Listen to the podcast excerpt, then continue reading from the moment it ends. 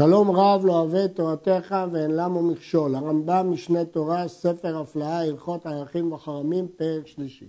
המעריך את הפחות מבין עשרים, ולא עמד בדין עד שיהיה יתר על עשרים, אינו נותן אל הערך פחות מבין עשרים, שאין הערך אלא בזמן הערך, לא בזמן העמדה לדין. המשנה אומרת, והערך בזמן הערך. כלומר, מודדים את גיל הנערך לפי שעת הערך, לא לפי שעת העמדה בדין. כל הערכים הקצובים בתורה, כל אותו מניין שאמרנו קודם, בין 60, בין 5, בין 20, הן שנותן המעריך אם היה עשיר. אבל אם היה עני ואין ידו משגת, נותן כל הנמצא בידו. אפילו סלע אחד ונפטר. שנאמר, וימחו מערכך וכולי, על פי אשר תשיג יד הנודד. כמה שיש לו, כמובן פחות מהערך של העשיר, הוא נותן מה שיש לו עד סלע אחד. ומנין שהוא נותן אפילו סלע אחד אם אין לו אלא סלע, שנאמר, וכל ערכך יהיה בשקל הקודש. המינימום זה סלע. הלמטה שאין בערכים פחות מסלע ולא יותר חמישים, זאת משנה, אין בערכים פחות מסלע ולא יותר חמישים סלע. הרי שלא נמצא בידו אפילו סלע. אין לוקחים ממנו פחות מסלע. סלע זה הדבר המינימלי, כתוב שקל הקודש. אז מה יהיה? אלא יישאר הכל עליו חוב. ואם מצא ידו והשאיר, ייתן ערך שלם הקצוב בתורה. אם היה לו סלע, הוא היה נותן סלע ונפטר. אבל אם יש לו שלושת רבעי סלע, הוא לא יכול לתת, ואז כשיהיה לו, ייתן את הכל כמו ערך עשיר. עשיר שהעריך והעני, או שהעריך כשהוא עני והשאיר. הרי זה חייב בערך עשיר. אם הוא היה עשיר, או בשעת הערכה, או בשעה שהוא צריך לתת, נותן ערך עשיר. אבל אם העריך כשהוא עני, והשאיר, וחזר והעני, נותן ערך עני. אם בזמן שהוא העריך הוא היה עני, ובזמן התשלומים הוא עני, נותן רק ערך עני. זאת מחלוקת במשנה. יש דעה אחרת שאומרת שאם הוא היה עני והשאיר ושוב העני נותן את זה עשיר, זה דעת רבי יהודה, אבל אין הלכה כך, אלא הלכה כדעת חכמים. עשיר שהעריך, שאמר ערכי עליי, או ערך פלוני עליי, ושמע העני, ואמר מה שאמר זה עליי. הרי אני חייב בערך עשיר שהוא ערך שלם. למה? כי הוא אמר בפירוש מה שאמר זה עליי. אבל אני שהעריך את העשיר ואמר ערך זה עליי, אינו חייב אלא בערך אני, שהוא כפי אשר תשיג ידו. אם אני העריך את העשיר, הוא נותן לפי איך אני. אבל אם העשיר העריך את עצמו, ואני אמר גם אני כמוהו, אז הוא התכוון למה שהוא אמר. וכיוון שהעשיר אמר ערך עשיר, הוא צריך לתת ערך עשיר. אם הוא סתם מעצמו אמר ערכו של פלוני עליי, לא אכפת לי אם הוא עשיר או עני, כיוון שהמעריך הוא עני, אין לו, אין ידו משגת. אבל אם העשיר נדר, והעני אמר, אני נודר כמו שהוא נדר, אז הוא התכוון לערך עשיר. הרעב"ד משיג וכותב שזו דעת רבי, אבל חכמים חולקים ואומרים שבכל מקרה הוא נותן רק ערך עני. אבל הרמב"ם בפירוש המשנה סובר שאין בין רבי לחכמים מחלוקת, אלא כולם סוברים כך. מה בין החייב בערך עני לחייב בערך עשיר, שהוא הערך הקצוב כולו?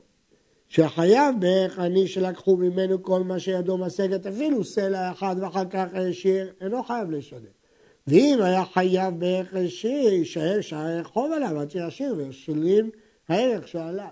אם הוא היה עני ולקחו ממנו סלע, אפילו שהוא יעשיר הוא לא צריך לשלם. אבל אם לא היה לו סלע, אז אם הוא יעשיר הוא חייב בערך עשיר.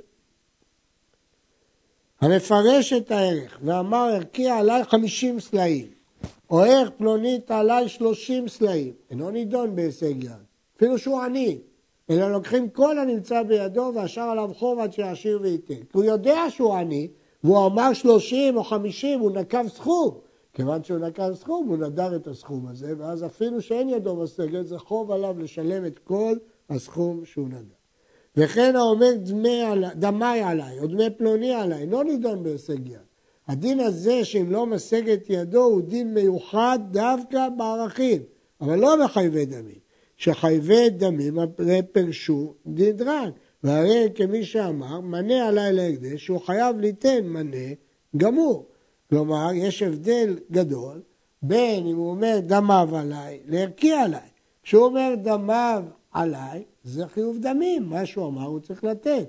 אבל כשאמר ערכו עליי, אז יש דין בתורה שאם דל ואין ידו משגת, הוא נותן סלע, או כמה שיש לו. האומר הרי עליי ערך סתם ולא פרש, אינו כמפרש שלושה שקלים, אלא נידון בהישג יד כשאר המעריכים, ואם הוא עני, הוא לא צריך לתת. האומר ערכי עליי, וחזר ואמר ערכי עליי, פעמיים, והיו בידו עשר סלעים, ונתן תשע על השנייה וסלע על הראשונה, יצא ידי שתיהם. שהערכים לא כחובות הם, שהולכים לפי סדר, שאף על פי שכל מה שבידו משועבד לראשונה הקדש מאוחר, מה שגבה, גבה. זאת אומרת, למרות שהוא נתן תשע לשנייה וסלע לראשונה, לא אומרים שכל העשר משועבדות לראשונה. לא, על ידי זה הוא יוצא ידי חול. אבל אם נתן תשע לראשונה ואחת לשנייה, ידי שנייה יצא, שכשנתן הסלע לא נשאר בידו כלום, הרי אין ידו משגת, נשאר לו רק סלע. לכן ידי השנייה יצא. אבל ידי הראשונה לא יצא, שהרי כל מה שבידו משועבד לראשונה, וכשנתן התשע נסער לו סלע ולא נתן לו, והרי לא נתן כל מה שידו משגת. לפיכך יישאר עליו שאר ראשון עד שיעשיר וישלם. זאת אומרת, אם אדם נתן כל מה שיש לו, זה מה שידו משגת. אבל אם היה לו עשר והוא נתן לראשונה רק תשע, הוא לא נתן את כל מה שידו משגת. האומר שני ערכיי עליי, ולא היה בידו אלא פחות מכדי שני ערכים, הרי הדבר ספק אם נתפס לשניהם ונותן חצי מה שיש לו ערך אחד, חציו לערך השני וייפטר, כי הוא נתן כפי שידו מסכת, או ייתן ערך אחד מהם שלם לראשון, או כל הנמצא בידו באחד מהם, ויישאר ערך אחר עליו חוב עד שייתן מעניות ובעשיות כפי הישג ידו. כלומר יש פה שתי אפשרויות, אפשרות אחת לתת את הכל על אחד, ואז השני יישאר עליו בחוב. והאפשרות השנייה לא כך, אלא לחלק מראש את זה לשניהם ואז הוא ייפטר. הרמב"ם לא מכריע מה לעשות בספק. הרדווז אומר שהכל תלוי אם תפס הגזבר, אבל אם לא תפס, נותן חצי לזה וחצי לזה ונפטר כמו כל ספק ממון. אבל יש חולקים בספר חיל המלך כאן, כותב שבספק איסורים לא אומרים ספק ממון וכולה, והשאלה היא גדולה בדבר הזה, האם לדון את זה כספק איסורים או כספק ממונות. הרב גרוס מעיר שהרמב"ם בעצמו בפרק חמישי כותב שבספקות של ערכים דנים בכל אלו וכיוצא בהם להחמיר, אבל צריך לבדוק אה, האם זה כל סוגי הספקות.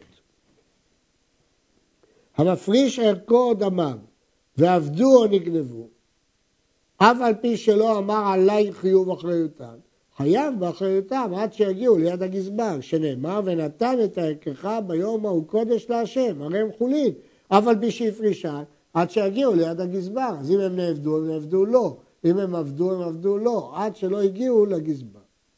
חייבי ערכים ודמים, ממשכנים אותם, אם הם מסרבים לתת, לוקחים מהם בכוח, ולוקחים מהם בעל כורחם מה שנדרו. ואין חייבים להחזיר להם המשכון ביום ובלילה כמו לבעל חוב. ומוכרים כל הנמצא להם מן הקרקע והמטלטלים, מקסות, אוכלי, תשמיש הבית ועבדים ובהמה, ונפרעים מן הכל.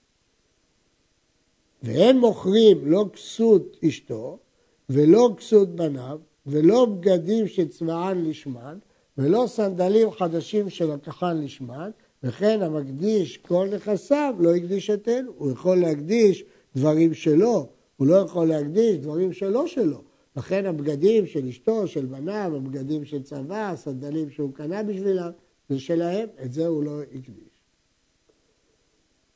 ונותנים לו מכל נכסיו, לזה שיש עליו ערכים או דמים, או שהקדיש מנה לבדק הבית ואין לו, נותנים לו תפילין של ראש ושל יד וסנדלים ומיטה לשב עליה ומיטה ומצה ראויים לו לישן עליהם. כלומר שתי מיטות, אחת לשב ואחת לישן, ככה הגמרא אומרת. ואם היה עני, נותנים לו מיטה ומפץ לישן עליו. ונותנים לו מזון שלושים יום, וכסות שנים עשר חודש. לא, לבדו, אבל לא לאשתו ובניו, אף על פי שהוא חייב במזונותיהם וכסותם. ואין נותנים לו אלא כסות הראויה לו. זה נקרא מסדרים בערכים. הגמרא לומדת במסגרת בבא מציע, שמסדרים, כלומר משאירים לו דברים שהוא זקוק להם. מאיפה כתוב וימחו מערכך. ימחו ואין לו זולת מה שהטיל על עצמו, תן לו מערכך. מה שאמרנו על תפילין, שואל השפת אמת, צריך עיון הטעם. האם כל המצוות משיירים לו, לולב, תפילין, אה, שופר, או דווקא תפילין שזה כמו מלבוש. למדנו כמה פעמים שתפילין נחשבים כמו מלבוש. הלכה י"ז, ט"ז, היו עליו כלי משי ובגדים מזוהבים, מעבירים אותם מעליו, נותנים לו כסות, היה לאיש כמותו, לחול, אבל לא לשבתות וימים טובים. היות והוא זקוק לבגד, ניתן לו בגד, אבל הוא לא זקוק לבגד של משי או בגד של זהב, ניתן לו בגד פשוט. ואם היה אומן, נותנים לו שני כלי אומנות מכל מין ומין. כיצד? אם היה חרש, נגר, נותנים לו שני מעצדים ושתי מגירות, שזה הכלים שהנגר עובד בהם. היו לו כלים מרובים ממין אחד ומועטים ממין שני, אין מוכרים מן המרובים ולוקחים לו מן המועטים. נותנים לו שני כלים מן המרובים וכל שיש לו מן המועט. היה חמר או עיקר, אין נותנים לו בהמתו, אף על פי שאין לו מזונות, אלא ממנה. היה ספן, אין נותנים לו ספינתו, אלא ימכור הכל. למה? כי אלה נכסים, זה לא כלים. היה בנכסים בהמה ועבדים ומרגליות, ואמרו התגרים, אם יילקח לעבד זה כסות בשלושים, משביח הוא מאה. אם תלבישו אותו יפה ותשקיעו בו, תוכלו למכור אותו יותר יקר. ופרה זו, אם תמתינו אותה לאטליאס, משבחת עשרה. אם תמתינו עד האטליז, עד השעה שמוכרים את הפרה, יום השוק, היא תהיה יותר ביוקר. ומרגלית זו, אם מעלים אותה על מקום פלוני, תשווה ממון רב, וכאן אינה שווה אלא מעט. אין שומעים להם. למה? אין להקדש אלא מקומו ושעתו בלבד. אלא כיצד עושים? מוכרים הכל במקומו ובשעתו כמשהו שנאמר, ונתנת ערכך ביום ההוא קודש להשם. לרבות כל דבר של הקדש. אין מפרקסים אותו, לא מייפים אותו, ואין ממתינים בו לשוק, ולא מוליכים אותו מקום למקום. אין להקדש אלא מקומו ושעתו. במה דברים רואים במיטלטלים ועבדים. אבל הקרקעות מכריזים עליהם 60 יום רצופים בבוקר ובערב, ואחר כך מוכרים אותם. כיוון שקניית קרקעות היא דבר מורכב, אדם לא קונה ברגע הקרקע, אז עושים מכרז 60 יום בבוקר ובערב, שזה התאספות בעלי המלאכה, ואומרים כמה מוכרים, ואיזה שדה מוכרים, כמו שאומר הרמב"ם בפירוש המשנה, ועל ידי זה נפרעים את הממון להקדש.